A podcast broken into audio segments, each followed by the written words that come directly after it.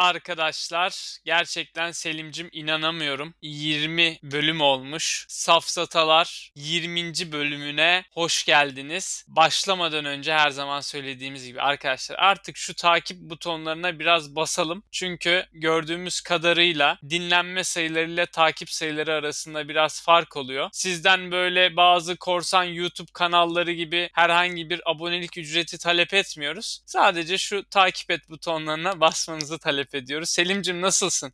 İyiyim Taksim'cim. Biraz hastamsıyım. Sanırım bu influenza hastalığı bana da bulaştı. Bu kapalı alanlarda çok bulunmamak gerekiyor galiba. Hayatımı çok zorlamıyor ama yine de gereksiz yere hasta oluyorum abi. Sonuçta evde çalışan bir adamım. Kolay kolay hasta olmamam lazım ama işte dışarı çıkmak zorunda kalıyorum. Geçen hafta bir Hamburg'a gittim. İş ekibiyle bir, bir hafta vakit geçirdik. Belki yollarda veya işte ne bileyim restoranlarda falan kapmış olabilirim. Dikkat edelim. Geçen hafta bu arada konuşmaya da bir yandan başladım ama iki tane film izledim. Babylon ve Kurak Günleri izledim Münih'te. İki filmi de takipçilerimize kesinlikle öneriyorum henüz izlemediyseler. İkisi için de farklı bir bölüm yaparız belki. Benim aklımda var böyle arada bir böyle kısa bölümler yapmak. izlediğimiz içerikler veya okuduğumuz kitaplar hakkında. Ama tabii talep gelirse yaparız. Konumuzdan çok sapmamak kaydıyla. Şimdiden de bir spoiler vereyim. Bir sonraki bölümden itibaren e, arada bir şehir kıyaslaması videoları çekeceğiz. İlk bölümümüzde Münih vs Hamburg olacak. Münih'te uzun süre yaşamış ve şu an Hamburg'da yaşayan iki arkadaşımızı konuk alacağız. Hani sizin de tecrübeleriniz varsa bu konuda bize katılabilirsiniz deyip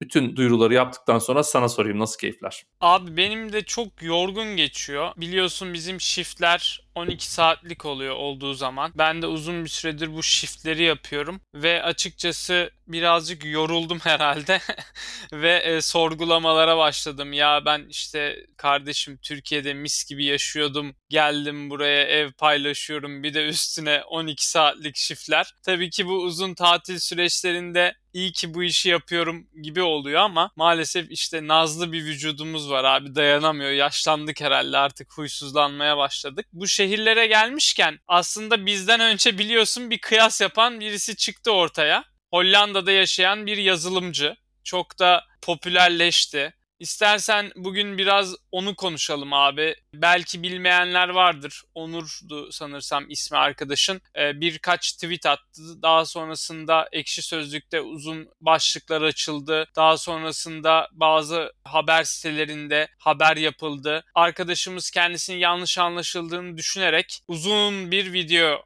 çekmiş. Ee, ben bütün videoyu üşenmeden, erinmeden aslında çok da canım sıkılmadı bu arada. Akarak gitti. Dinledim. İstersen onu konuşalım bugün. Ee, daha sonrasında o videolardan bazı haber siteleri kesitler yaptı. Herkes kendi tarafına çekti. Özellikle yer edinmek isteyen medya kuruluşları o videonun da bazı yerlerini kesmişler, biçmişler. Yani şimdi şöyle bu arkadaşın kendince bir düşünceleri var ve bunları bir bütün olarak değerlendirmek lazım. Biz böyle kesmeden bütün geneliyle kendimizle karşılaştırarak istersen yayınlayalım. E, aynen abi. Onur Gürel bu arada. Videosunun linkini de açıklamalar kısmına koyacağız eğer bakmadıysanız. Hatta Twitter'daki o flood'unu da bulabilirsem yine linkleyeceğim podcast'in açıklamalar kısmına. Ee, bir vaka abi. Bir vaka analizi yapacağız bugün aslında. Sadece Onur'un yorumları değil. Aynı zamanda Onur'un yorumlarından sonra yapılan o medya dinçi. işte Twitter'daki cancel culture'ı. Hani çocuğun bir şeyleri düzelteceğim derken baş söylediği garip şeyler vesaire. Samimi bir şekilde yorumlarımızı yapacağız. Ama şöyle bir uyarıyla yorumlarıyla başlayayım. Bu arkadaş günde 3 saat powerlifting yapıyormuş. O yüzden yorumlarını yaparken abi çok dikkatli ol. Göze göz düşe diş gelemeyebiliriz bu arkadaşla. O yüzden şakası bir yana. Bugün aslında bu videoyu dinledikten sonra şu kanıya varacaksınız. Bu tarz karşılaştırma videoları dinlerken nelere dikkat etmeliyim ve bu videoları çeken arkadaşlara da belki bir örnek olacak. Hani kıyaslarken nelere bakmalıyım, neleri gözden kaçırmamalıyım gibi birçok şeye aslında değineceğiz. Hem çocuğun yaptığı yorumlar hem de sonrasındaki yankılar bize gerçekten Türkiye'deki cancel culture ve yani medyanın işine geldiği yerleri çekip çocuğu e, toplumun önüne atması gibi birçok konuya değineceğiz. Güzel bir bölüm olacak diye düşünüyorum. Evet evet bence de ben de çok heyecanlıyım. Çünkü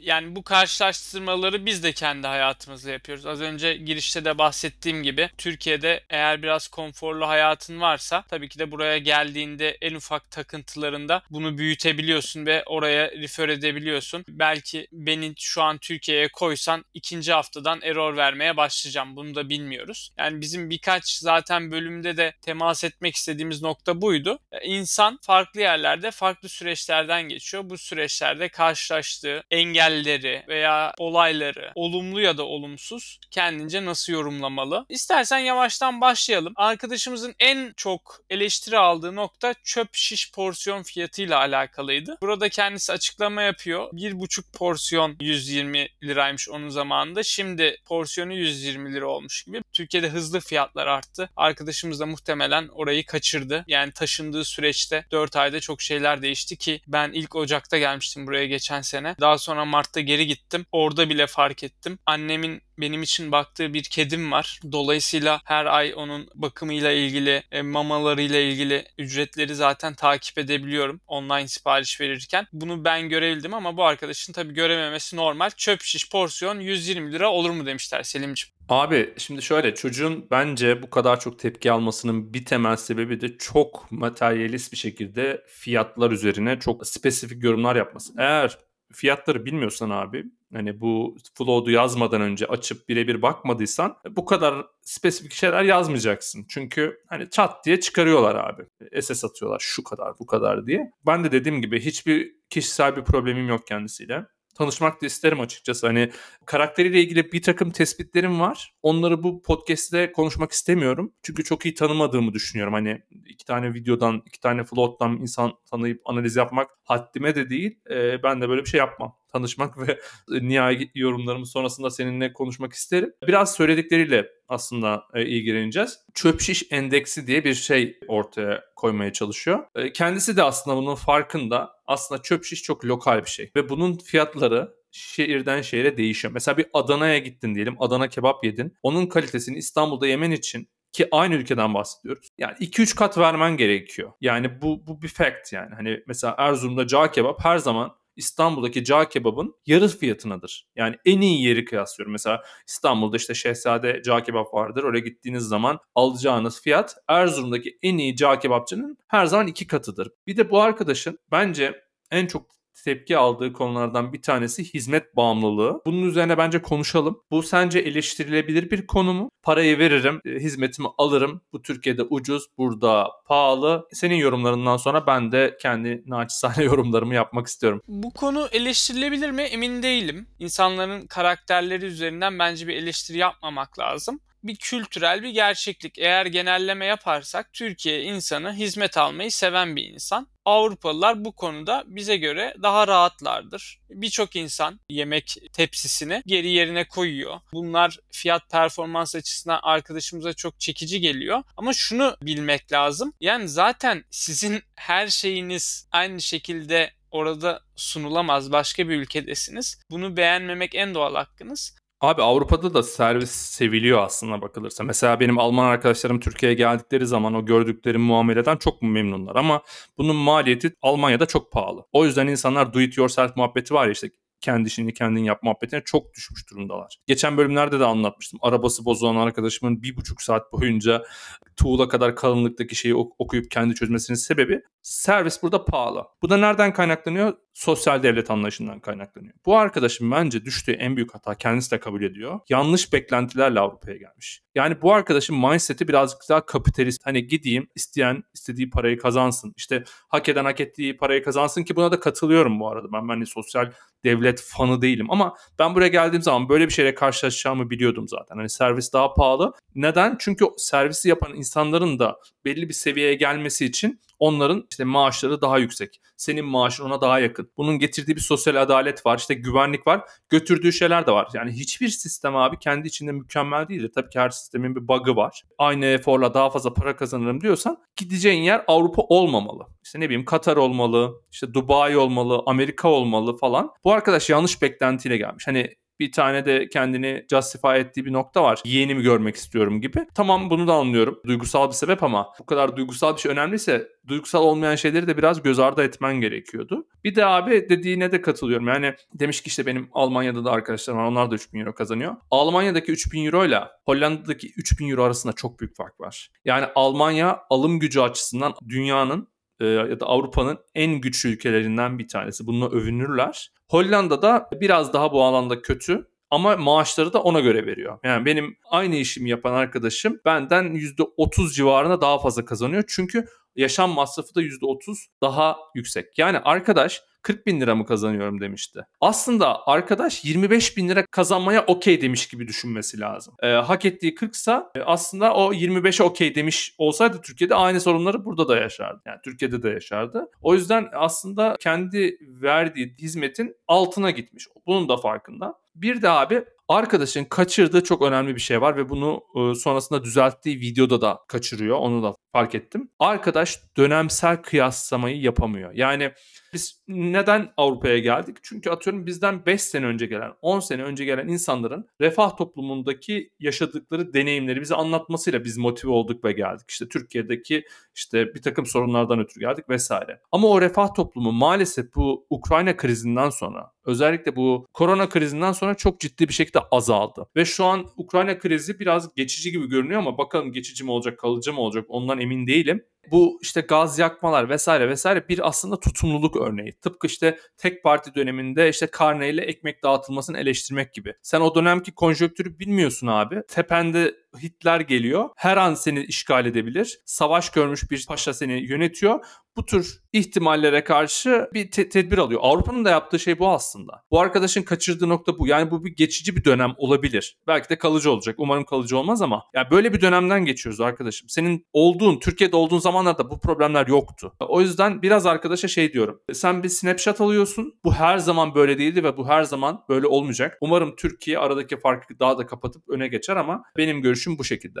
Ben hak verdiğim bir noktadan bahsetmek istiyorum. Öğle yemeğiyle alakalı bir şikayeti vardı arkadaşın. Şimdi şöyle, Türkiye'de e, çok sınırlı ve kaliteli yaşayan bir beyaz yaka kitlesi var ve bu ülkenin muhtemelen %1'lik kesimini bile e, temsil etmiyordur. E, biz de onlardan biriydik. Açıkçası ben Türkiye'deki herhangi bir ekonomik sorundan etkilenmedim ve şu an Türkiye'ye dönsem yine etkileneceğimi düşünmüyorum. Ama Türkiye 80 milyonluk bir ülke. İşte içerisindeki 8 milyonluk insanın çok da iyi yaşaması çok iyiye bir işaret değil. Ama arkadaş tabii ki de kendi penceresinden haklı değerlendiriyor ve bu beyaz yakalılığın bize sağlamış olduğu bazı avantajlar var. Bunlardan bir tanesi özel sağlık sigortası. Benim burada da özel sağlık sigortam var ama özel hastane sektörü o kadar gelişmiş olmadığı için bundan yararlanamıyorum tabii ki. Ve bu sigortamın olması çok da benim için önemli değil ama Türkiye'de çok fark yaratıyor. Öğle yemeğinde şirketlerin yemek kartı sunması. Bu konuda hak veriyorum. Evet yani Avrupa'da böyle bir kültür yok. Onun için görüyorsunuz ki herkes çok kötü de olsa yemek yapma yeteneği kendisi yemeğini getiriyor.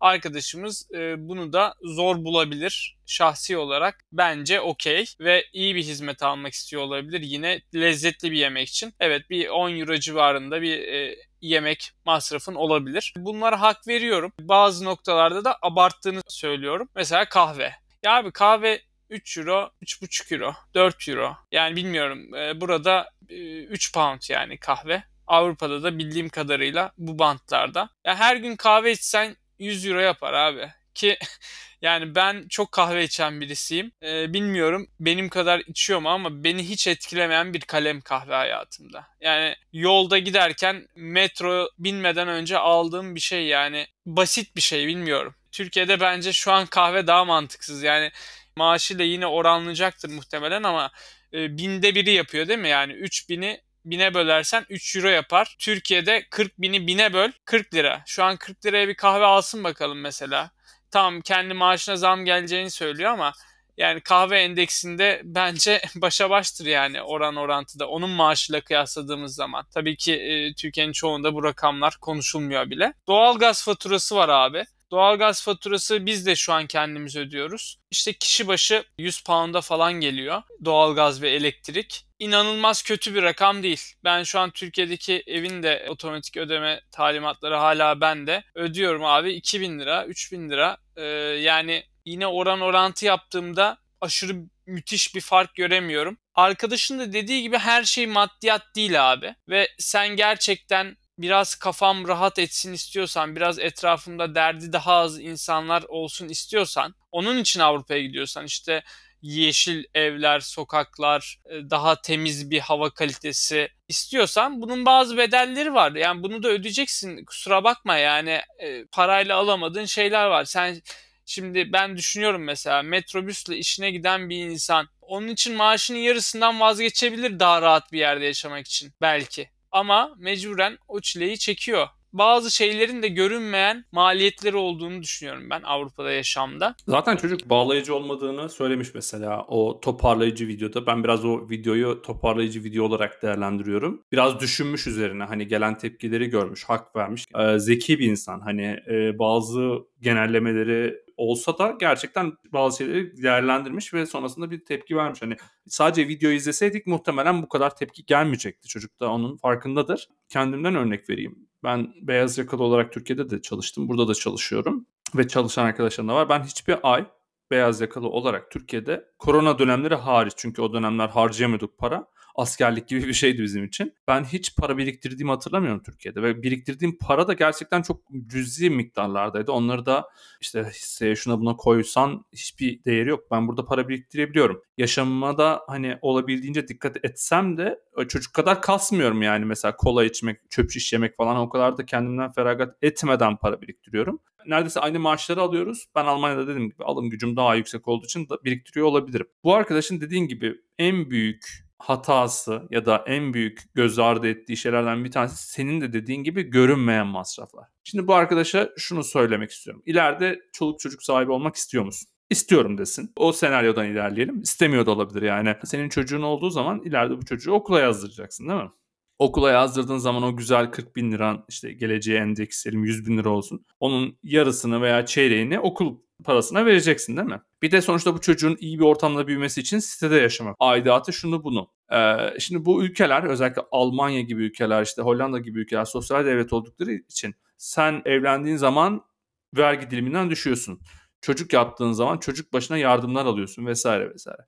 Bir de abi bir 5 sene sonrayı düşün. Yani biraz da aslında geleceğe endeksli yaşamak da lazım. Hani hayat tercihine bağlı olarak. Ha çocuk yapmak istemiyorsa, evlenmek istemiyorsa o zaman bambaşka bir hikaye var.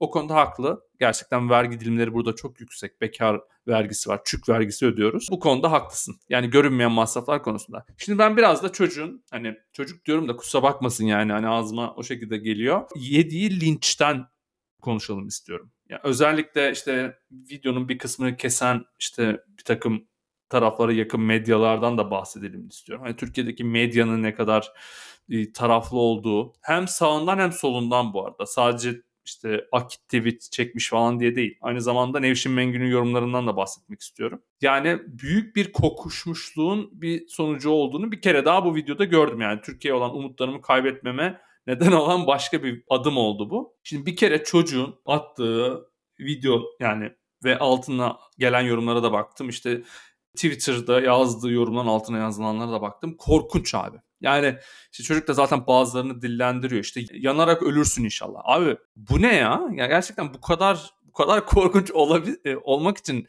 ne yaşamış olmak gerekiyor ya hayatta? Ya da işte babanın siki kopsaydı da e, seni yapmasaydı falan. E, farklı görüşleri olan tahammül ne zamandan beri bu noktaya düştü? Yani katılmayabilirsin. Fikirlerini düzgün bir şekilde yazmak varken neden beddua ediyorsun? Ya yani bu adamı düşürmeye çalışıyorsun. Yani gerçekten Türkiye'deki bu cancel culture ve bu linç kültüründen nefret ediyorum. Yani bu çocuk bu videosuyla birlikte bana bunu da hatırlattı. Medyanın tırnak içerisinde işte bir kısımlarını alıp diğer kısımlarını almaması, Çocuk çünkü videoda bizim söylediğimiz bazı noktalardan da bahsediyor işte yaşamın iyi olmasından vesaire, stressiz iş hayatından ve onlara girmiyorum o yüzden. Girsek zaten 3 saatlik bir, bir podcast olur. Ben hani bu konuda ne düşündüğünü merak ediyorum. Neden abi biz bu kadar toleranssız bir noktaya geldik? Bu işte son yıllardaki kutuplaşmanın artması mı? İnsanların gerçekten çok pragmatist hale dönüşmesi mi? Ee, ya da farklı görüşleri olan bu tahammülsüzlüğün geldiği noktanın bize ileride ne gibi sorunlar yaşatacağına dair benim mesela bir hipotezim var. Abi bu gidişle bu ülke bu kadar karpuz gibi ikiye yarılması bana açıkçası Suriye'yi anımsatıyor. Ya da Arap toplumlarında işte iç savaşlara dönüşen ülkeleri anımsatıyor. Bir yerde buna bir dur dememiz gerekiyor diye düşünüyorum. Yani bu... Ben de bir yorumu paylaşayım. Small penis energy demişler. Gerçekten. Yani abicim seviye çok kötü yerlerde. Yani bir, bir eleştiri yapabileceksen sağdan ya da soldan hiç fark etmez. Ben bu şekilde ayırmıyorum ama mantıklı bir zemine otur kardeşim anlat de ki ya ben de bunları bunları gördüm. Benim planımda gayet Türkiye'den daha mantıklı. O da desin ki ya benim planımda Türkiye daha mantıklı. Okey konuşun ama yani bu nasıl seviyeler abi? Small penis'lar işte öleceksin bilmem ne falan veya işte alalım bunu Akit TV'lerde al işte Avrupa'yı görün kavruluyorlar işte ispatı da bu yazılımcı falan.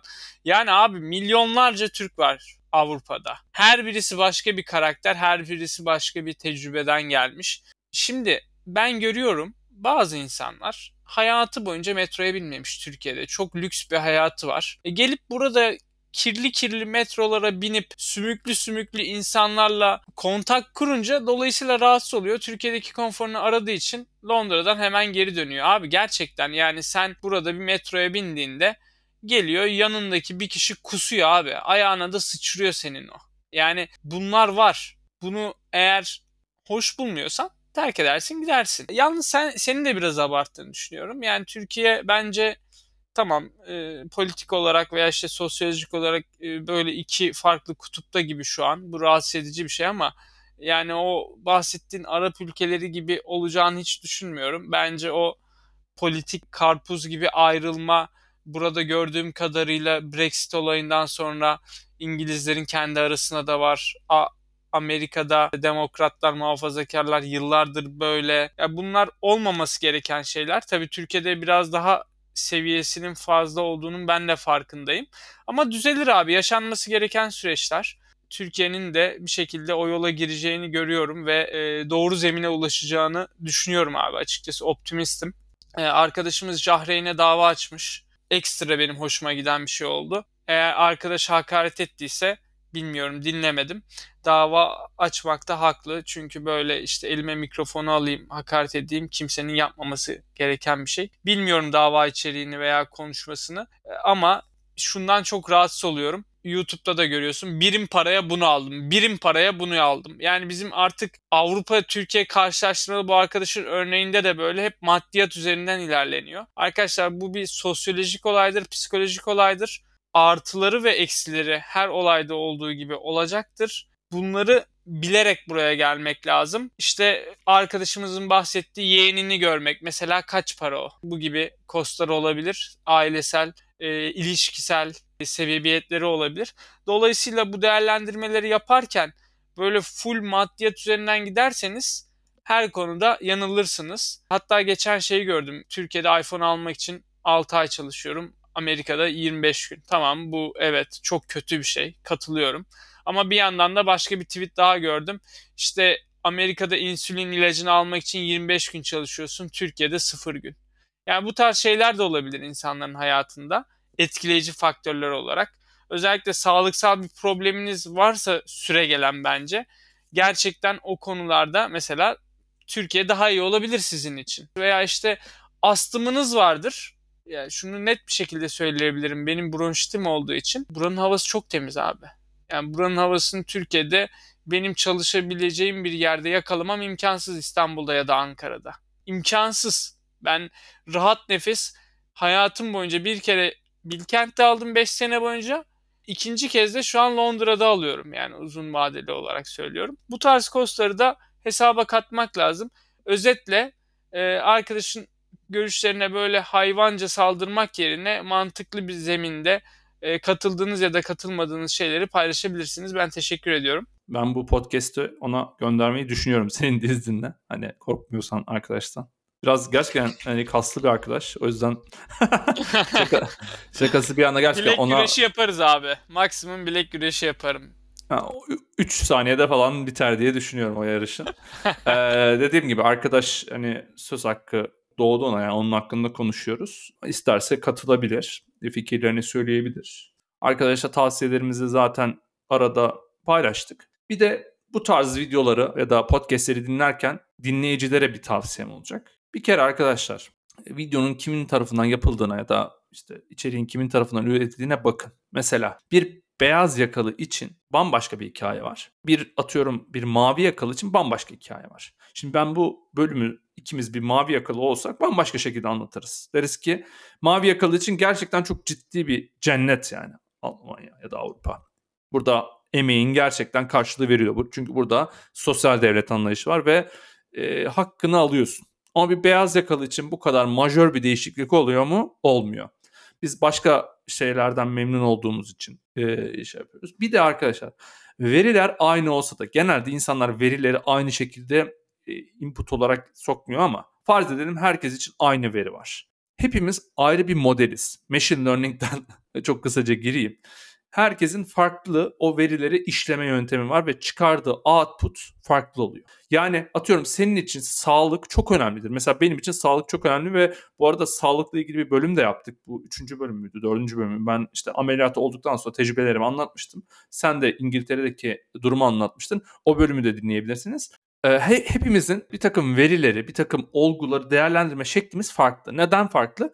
Biz 8 milyar tane insan var. Hepimiz farklı bir, hepimizin parmak izi farklı. Ee, hepimizin tecrübeleri farklı. Hepimizin insan faktörü farklı. Mesela kapitalistlere hep söylediğim şey şudur. Tamam okey mantıklı rekabet ama herkes aynı yerden mi başlıyor? Senin biraz da aslında geriden başlayan adamı rekabette ileri atman gerekiyor ki rekabet o zaman doğru bir şekilde başlasın. Çünkü bir sermaye biriktirmiş bir insanın çocuğuyla sıfır sermayeyle gelen adamı yarıştırmak komik yani. Hani diyorsun ki balığa ağaca çık diyorsun ama tavşanla aynı şartlarda değil. O yüzden herkesin e, modeli bambaşka. Siz de kafanızda bir kıyaslama yapın. Ben yazılım mühendisi miyim? Ben atıyorum beklentilerim ne? Nasıl bir aileden geliyorum? Nasıl şartlarda büyüdüm? Bu çocukla benim şartlarım bir olabilir mi? Dünyaya bakış şeklim siyasi anlamda olabilir, farklı anlamda olabilir. Aynı mı?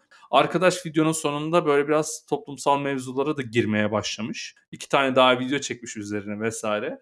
İşte e, Vogue kültürünü eleştirmiş, işte köpek, sokaktaki köpek probleminden bahsetmiş. Seni biz o yüzden izlemiyoruz anladın mı? Biraz böyle hedefini dağıtma. Eğer bu konu üzerine e, tecrübelerin varsa bunlar çok değerli. Bunları anlat. E, günün sonunda bu, bu anlattığı şeylerin değerini biraz az, azaltıyor. Çünkü sana taraflı bakmamıza neden oluyor. Buradan bir yol buldum. Buradan devam et. Tecrübelerini anlatmaya devam et. 6. ayda bir video daha çek mesela. De ki işte bunlar bunlar değişti, bunlar bunlar kötüleşti gibi. E, buradan yürü kardeşim. Sen de Ersan Şen gibi her şey hakkında yorum yapmayı ver yani. Hukukçusun. Sen çok seversin Ersan Şen'i. Ben o yüzden biraz... Çok severim. Her bokolog olma kardeşim. Her şey hakkında da yorum yapma. Yap yapınca da işte biz de hangi tarafını konuşacağımızı şaşırıyoruz yani. Evet abi uzun bir podcast oldu. Çok teşekkür ediyoruz. Ee, bakalım bizimle aynı düşünenler var mı? Ya da tamamıyla biz de Onur gibi ulusal medyada haber mi olacağız? Görüşmek üzere. Kendine çok iyi bak. Sen de kendine çok iyi bak. Eğer buraya kadar dinleyip keyif aldıysanız lütfen takip etmeyi ihmal etmeyin. Haftaya görüşmek dileğiyle.